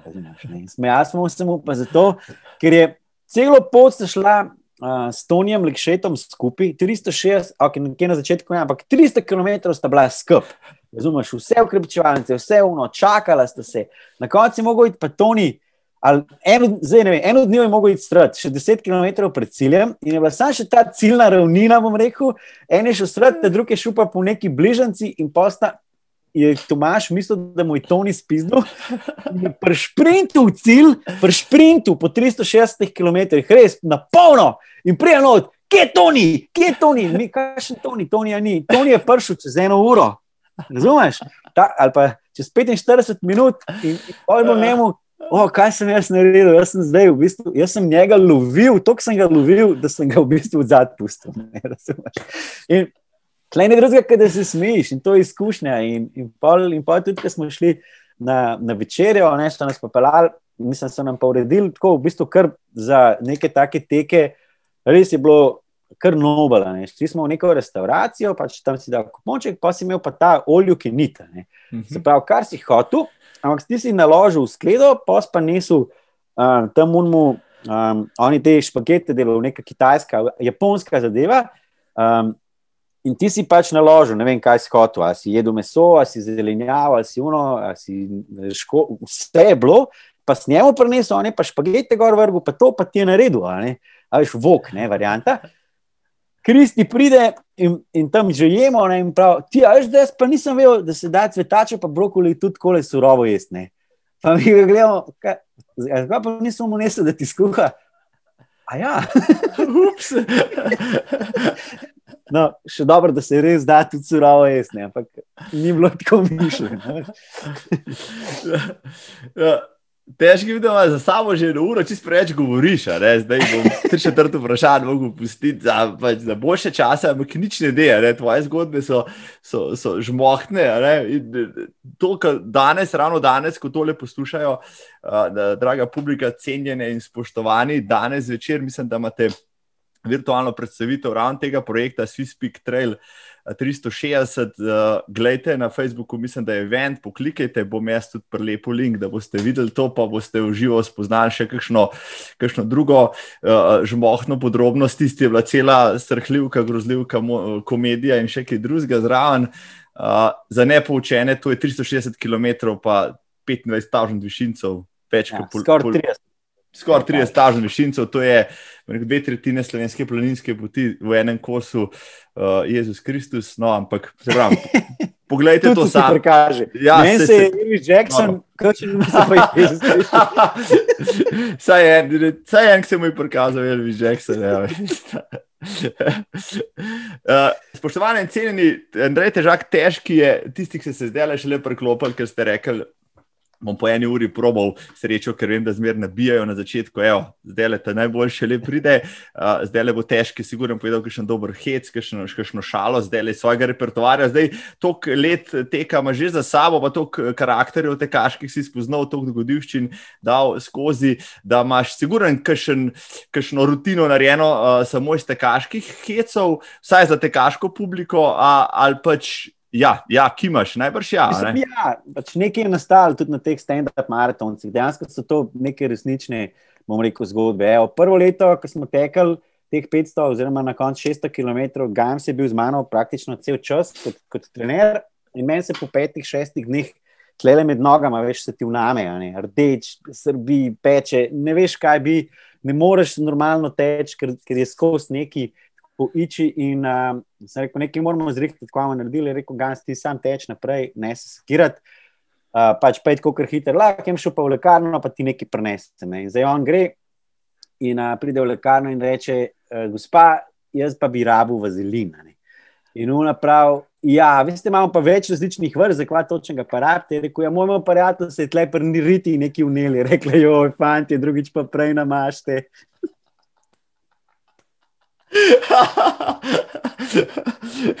to, se, to zelo se meni tudi zgodilo. 25 let nazaj, ko smo laufali v odrezanih kavbojkah, v unih maratonkah, so bili tako kratke, da so ti pol jajc ven gledali. In si mi med stegni, ko je popajsan, sem jaz hodil v lekarno po 100 gramske pakunge in reče enkrat ena starejša, tako začali, zakaj boš pa to rabo, mladeniš? Pa si jaz, jaz skupaj pogledam za mano, same stare mame. Ker te stegogramske so ponovadi prodajali tako, za kakšne žalbe meša, to je bila industrijska doza, ne le za ustence namazati po zim. Pa sem rekel, da ja. yeah. med nogami se mi večkrat kaj uname. Pa ono reče, jojo, ne. Maj da, je 100 gramov, pa una maj da tam zadnji kako bo to rab, kdo to rab, tlen povarab se mu je med nogami neki unele. Ne? In to je bilo tisti exit iz, iz lekarne, takrat med tistimi mami, ki so že prej rožne vence ven vlekle, je bil, je bil res, res grozen. Ne? Takrat sem rekel, zdaj pa bo resen, čim prej se odstranil tle, pa za mene lekarno. Presel se. ja. No, pa sigurno ima še, še kakšno, še, ima še kakšno tako, kakšen tak štos, oziroma uh, če ne, vsaj na kažga, stalo bojo mogli pa uh, najni poslušalci in gledalci videti, ki je uživo ali pa na Zoomu, ko boš to imel. E, gled, ko smo hodili na gremo v hribe, preden smo začeli hoditi, smo, smo se malo pripravljali. Zdaj z mano je takrat nekaj, kar če v gor en, en uh, komik, Tom Pevc, on je škofe loke drugač. Uh -huh. uh, pa znam potem, da rad tudi kakšen per več pije od mene. Ne? In uh, on me enkrat klical, pa rekel, da ima midva narediti enkrat eno akcijo vnaprej, pred tem, ne, nek trening, da vsi komiki pridemo, vsi jih zberemo in gremo na Lubnik. On je to imel direkt iz Bajte gor. Sem rekel, mater, Lubnik, pa ti hodiš vsak dan, on gre res vsak dan na Lubnik, sem rekel, ti spreveč na treniran, še za me, kva še le za komike. Ne. In, uh, ok, akcija pade, pade gor dol, mi zberemo vsi komiki, bomo prišli, smo res vsi prišli, trije smo bili, Um, mi dva s pevcem, pa še Husein Šakanovič, on pač ni razumel. In je pač prišel in mislil, da je neko druženje, da bomo imeli piknik. Ne, bil je pa oblečen, da gremo na Himalajo, na, najmanj na, na, na Purno, razumeš, v, v lednih čevljih, v, v njih uh, Goretex, Gor Goretex, ampak to je bilo, ne vem, maja, recimo, meseca, v glavnem zrihtan, malo manj kot cepini čelada, gremo na Lubnik, v pol poti je rekel: Jebite se, slovenci, jaz se bom obrnil, da tle tekmujete neki. Ne? In je šel domov. Um, mi smo šli pa gor, no, in po treh perih sem jaz ugotovil, da on ne hodi uh, na Lubnik, zato je športnik, ampak imajo najcnej per v dolini.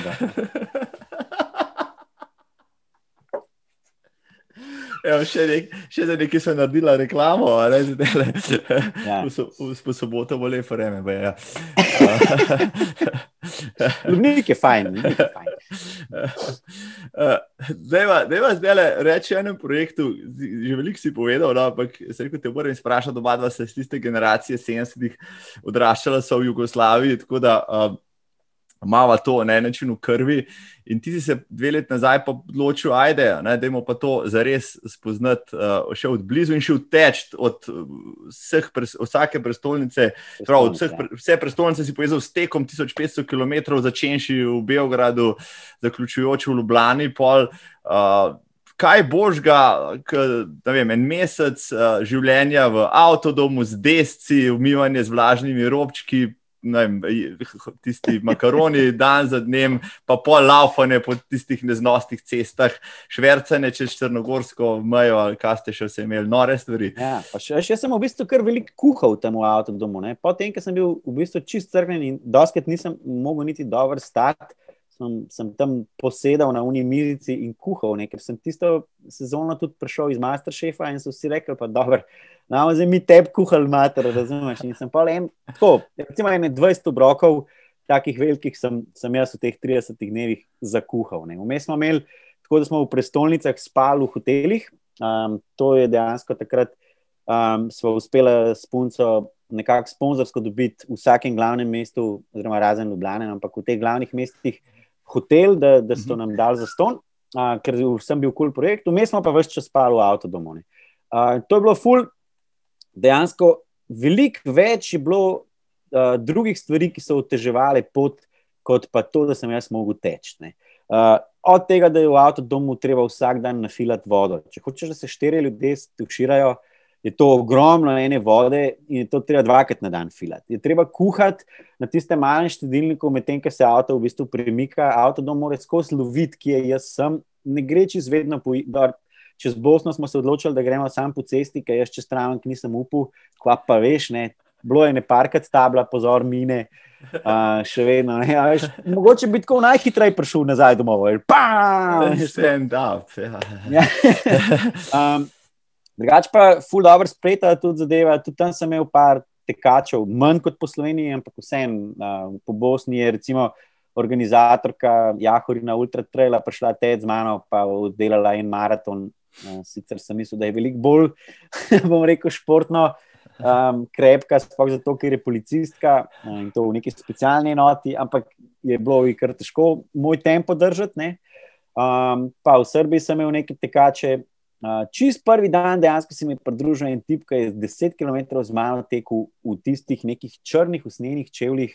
Kako se to reče, oni najbolj navadni, ne na vezalke, veš, nekaj, ki se sam, tako, ja. sam natakneš. In ti je rekel, da on teče maratone, da jih ene 6-7 na let gre teč, in da vedno teče v teh čevljih. Jaz sem rekel, nekih, ja. Ja, nekih salonerjih sem rekel, ne, me, fakt, razumeš, jaz se tle nekaj grem. Pa neki sponzorji pregovarjam, pa inovajt, pa un, pa ne vem, bojo eh, brez tega, pa brez unga.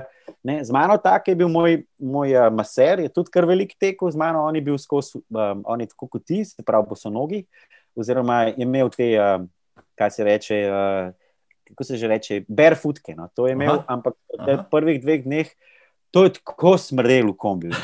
To, mi smo vedno, pa kako mi vedno parkiramo zraven crkvine, kako nam vedno rade. Zašli smo mislili, da bodo nekaj smrdi. Na koncu smo gotovili, da so to njegovi čevlji, ta crkvina, in smo jih pol odzuni ubešali, nekako, da so se kaj ni tekel. A pa je nekaj časa tekel čez bos, pa nekaj tače, pa le eni. Glavni je tako probal. Tako da je bil te, bom rekel, tvoje vrste. Uh, jaz nisem nikoli razumel tega, odkar mi je en, en hotel v trgovini res, res naporno, ki mi je hotel prodati že prvo leto te barefootke, pa je težil, pa težil. Pa sem rekel, da zdaj mi pa razloži, zakva. Pa je rekel, ko štele imel, no, gor, seš pa počutil, da tečeš bos. Pa sem rekel, stari, če kdo ni poštekel, po antečelo, pizda, pa to ti razumeš. Pridna, pridna open mic. open mic, ne. Ampak ok, ne. Um, Jaz nisem dejansko še probil, uh, ampak me, po eni strani me skozi malo mika, po drugi strani se pa na trailu vse malo bojim, pač po teh nekih koreninah. Zdi, a, ampak mogoče bo mogel, ker zdaj imam zadnje čase težave, full zgležni, se že parkrat zvil.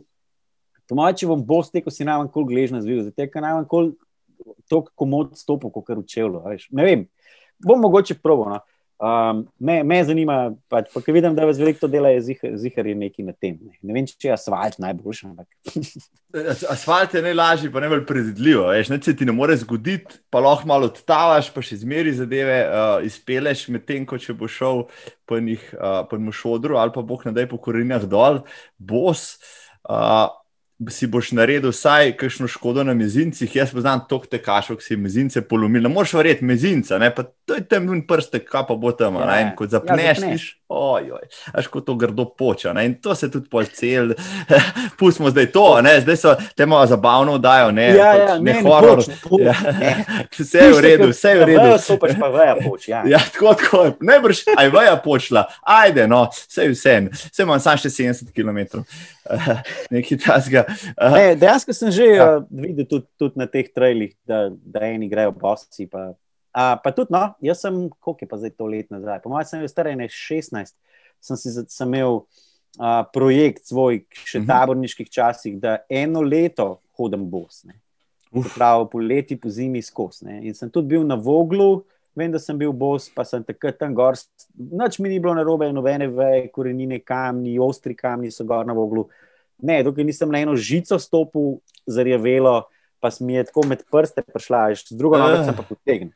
Uh, se pravi, človeški faktor na koncu, ja, ja, ne, ja, ki, me, ja. me je zjel. Narava pač ne, se mečkam padeš, malo bolj pomahu, ali pa tudi no, si noga se ujača, pod plat je, pa se, se zato reče pod plat, narejen za.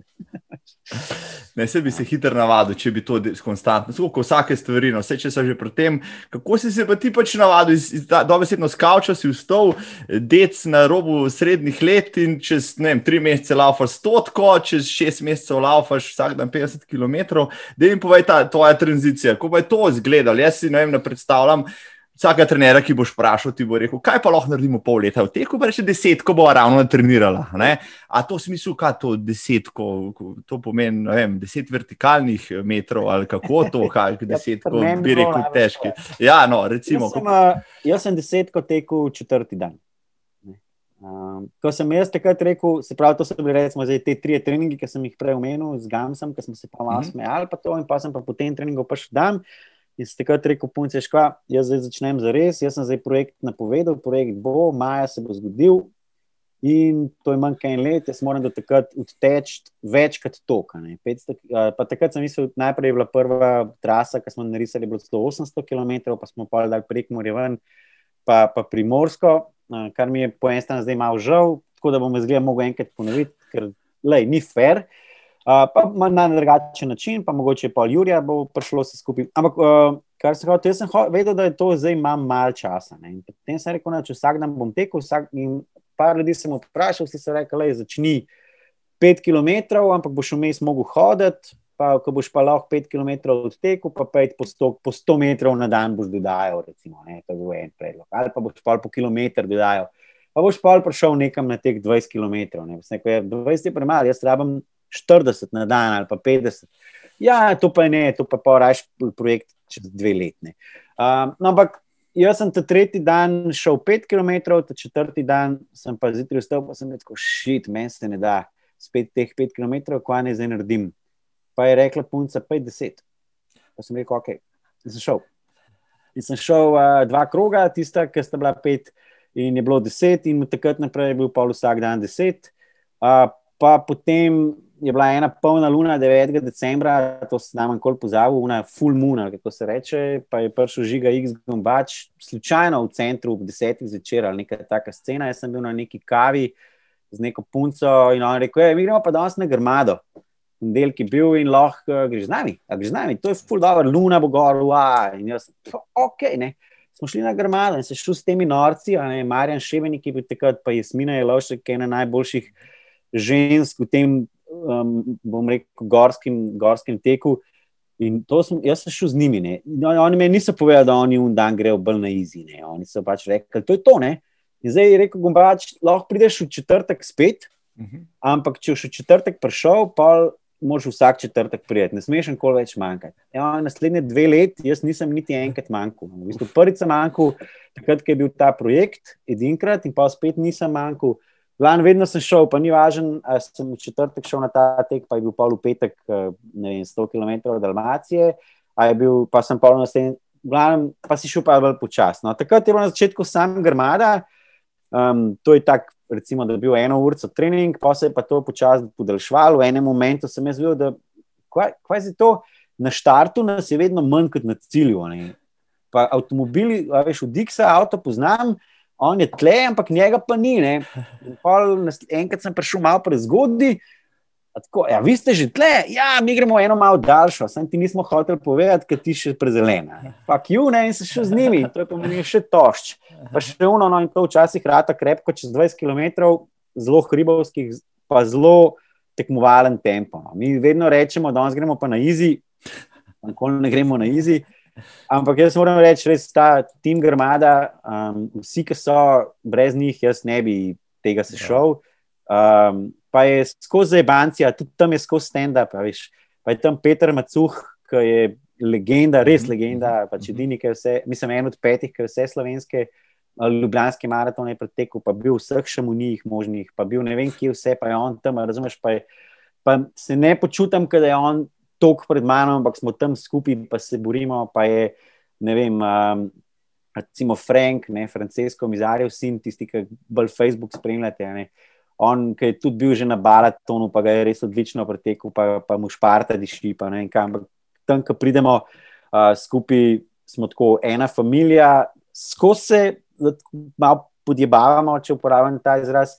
Skozi je tako, da, da, če bi ti danes prišel z nami na trening, bi, bi rekel, fakt, te so čist skregani. Kako pa te lahko vsak četrtek rinejo tle v hrib, ne? Ampak ni, pa pa na koncu pade še pijača, dol pa Andrejc in, in je tako, viš, pa, pa skozi je, skozi je druženje, pa skozi je podpiranje, pa veš, hej, ti greš v Švico, da mi bomo s tabo, uh, pa pridajo pa na, na moje projekte, pa jaz grem na njihove. Glavno, ful je tak family in to, in to je kul cool. in, in to mi je všeč pri pr teku, sploh pri trailu, zato ker ni, je tekmovalnost, je za Ibancija, hkrati pa, je pa tako en tak big family. In to, to mi je evo, top. In zato ustrajam in bom ustrajal, dokler bo glava zdržala. Ker pač, če bo noga kakšna odpovedala, bom šel pa po eni. Mislim, sem tudi šel na maraton Ljubljanski z, z Berglami, zato ker sem prišel z Vitim Gležnom. Um, sicer ne odtekel celega, pa posnel nek filmček, pa mi še zdaj vsi govorijo, da si car z Berglom si cel maraton tekel, pa jim govorim, ne, nisem, pa če smo te videli. Ja. Ne, tudi videl sem, kaj mi je Jankovič na koncu dal kolajno, razumeš, okoli. Jaz sem pa prišel tam iz Ovinka, z Berglom po drugi poti, ampak, ajš, the best je. No, No, zdaj, poško, poškodb si nekaj imel, vse sem tam bral, tvoje zapise. Tebe sploh ne bom sprašal okrog teh poškodb, ker jih očitno pač. To je sestavni del vsakega ultraša, da si trga kite, uh, uh, nuca ligamente. Uh, Razbija kolena, lom gležne, ampak s, s tem pač se da preživeti če imaš v glavi naštela, najbrž. Ne? Si, si predstavljam, da pač glava je tle bistvena, ne? da si se tudi iz, rekel, iz kavča na prvo stotko uh, uh, dostavil, si rabo glavo, noge so, noge so pač morale slediti. Uh, šle za nami. Tako, da mi še eno stvar, da mi je prišlo na misel, da te moram vprašati. Uh, Rekel, navadni smrtniki na teku rešujejo probleme, ampak praktično vsak nek kreativc, nekdo, ki ustvarja, mi pa, pa teče, ne mi pravi. Ne? Jaz pa Pa se sem imel sam tudi tako izkušnjo. Ne? Jaz pa na teku, uh, ko pridem v nek flow ali pa nekaj, ne sestavljam ne vem, nove zapise, nove knjige, nove pesemce, ne vem, nove predstave, če treba umetniška dela, skulptura se mi pojavi in tako naprej. Ali se tebi na teku potem, morda, ko tečeš sama, ne, uh, pa rojevajo nove šale, novi zametki, ki je ta zga. Ej, Zelo zanimivo je to, da se, ampak jih do cilja pol pozabim. Uh, mislim, tako jaz, fulkrat, tudi ko pišem ta blog, pa, pa probujem vsake tekmo, ko grem, pa probujem nekaj spisati, pa se trudim, da bi bilo malo zabavno, da bi bilo malo komično. Pa se vmes, pa ko tečem, spomnim, da tole moram nujno napisati, kaj se je zdaj zgodilo. Ampak takrat v enem momentu, valjda, nimaš papirja, da bi si zapisal. Čez 10 km se nekaj drugega zgodi, čez 5 se nekaj tretjega, in pa priješ v cilj in, in si tako. Jaz bi furat ljudem povedal vse, kar se mi je zgodilo, in nimam pojma. Ne. Kaj sploh bilo? Jaz pa tudi, ko pišem blog, moram si vzeti tisto zemljevid, kako je šla tekma, da sploh vem, kako je vse šlo. In pa, a tle je bilo to, a tle je bilo tam, ker sem Japonca za glavo prejel, pa ga v vodo not porino. Ne. To sem enkrat mogel, ja, ne res. Na, na eni ultri, pač skupaj smo, veliko smo se prehitevali, obema je bilo vroče za znort.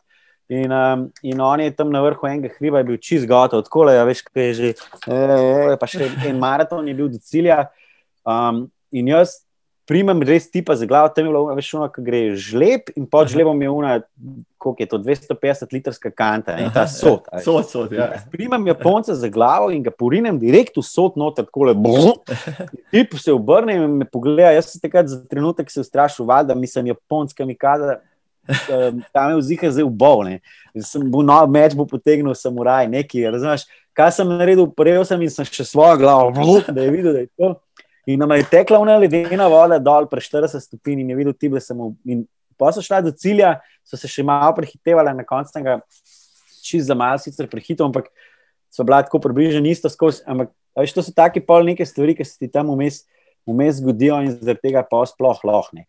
Až poškodbe, skozi imamo, ampak nikoli ne razmišljamo. Zdaj smo z grmade došli in so spet neki na robe stopili, in grek je spet šel malo gležen.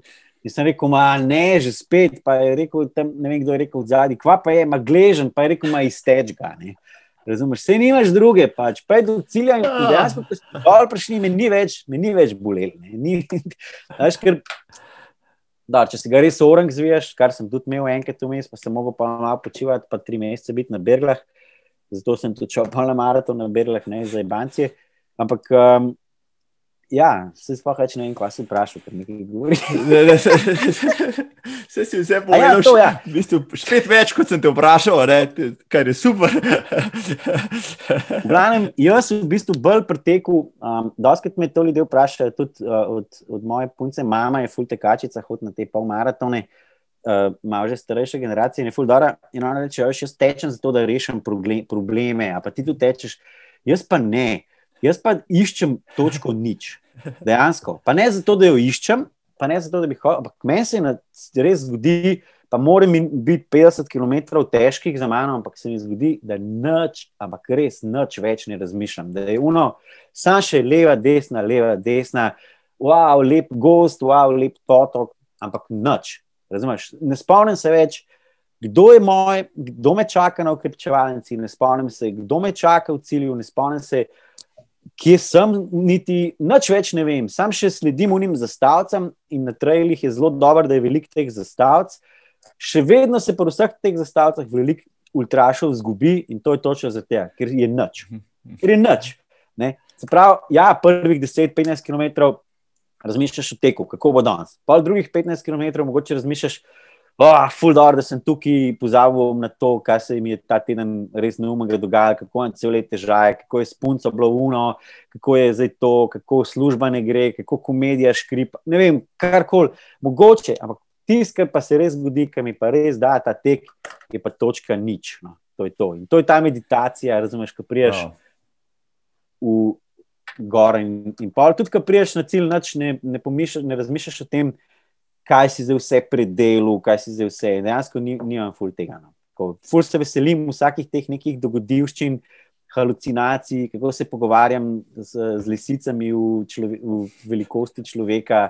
Uh, kako, kako dejansko res tam v Švici več takih stvari doživim um, v enem, v enem, na eni tekmi. Tako, to, to me ful drive, to mi je the best. In če pa pol nastane kakšen jok, kot je nastal recimo ta z vazelinom, Ampak to je, to je malo, ni, ni to, da bi rekel, da pet let že tečem, imam mhm. za pet let materijala, imam, imam za eno slabo desetminutno predstavo. Ja, to je to. Tok, da boste vedeli, spoštovani in spoštovane, toliko časa te bomo laufati za dva dobre vice, pa še to sta, ne boste na koncu, ki boste drugim povedali, ne sami sebi. Ne? Um,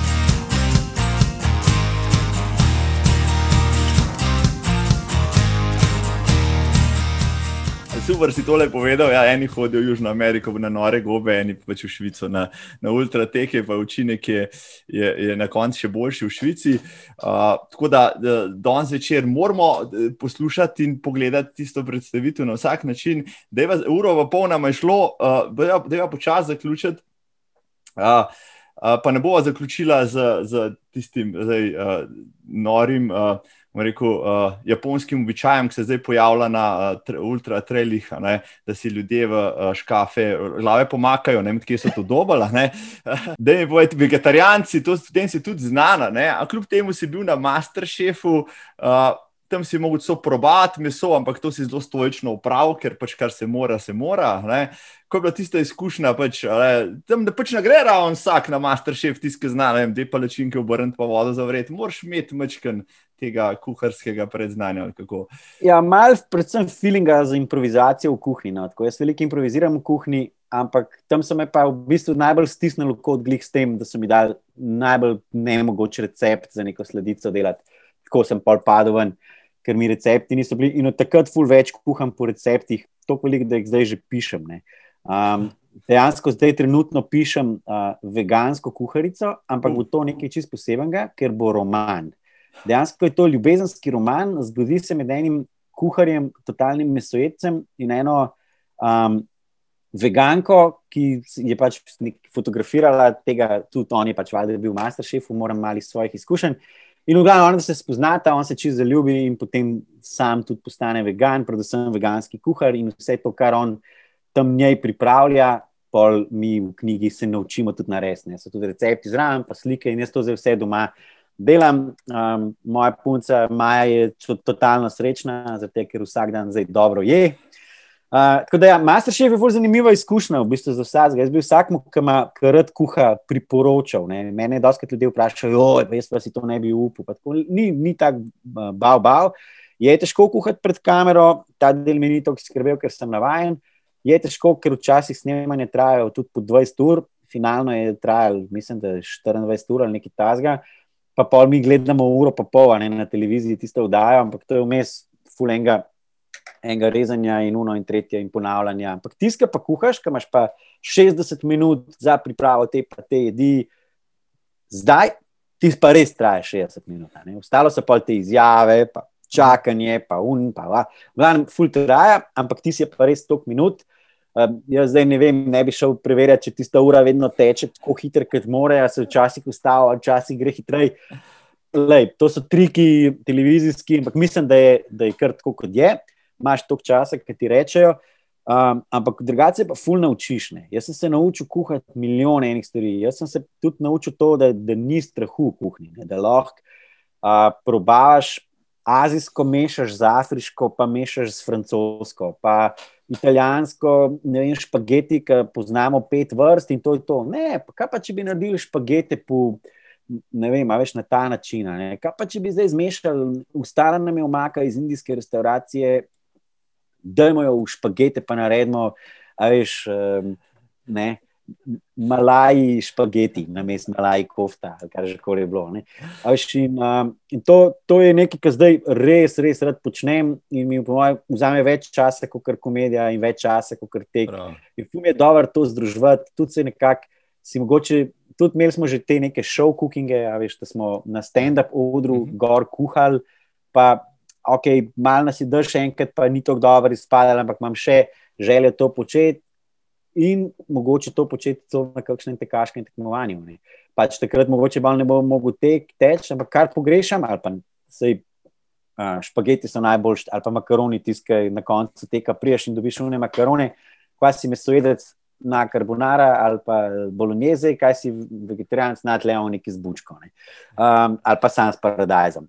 Um, Ne, veš, jaz bi rad pisal, da postavimo eno kuhno, mogoče se lahko mi zmenimo le za nočno desetko, ki je mogoče malo tak, tek, ki tudi ima sam po sebi, jaz ga, jaz ga jemljem ful, bolj, več kot samo tekaški dogodek. Rekel, se pravi, da, da vidi tam ful pride folka, vidi tiste kremšnite tam, veš, ne vem, skolajni, že tako dobiš vilčko, ki jo kar takoj porabiš.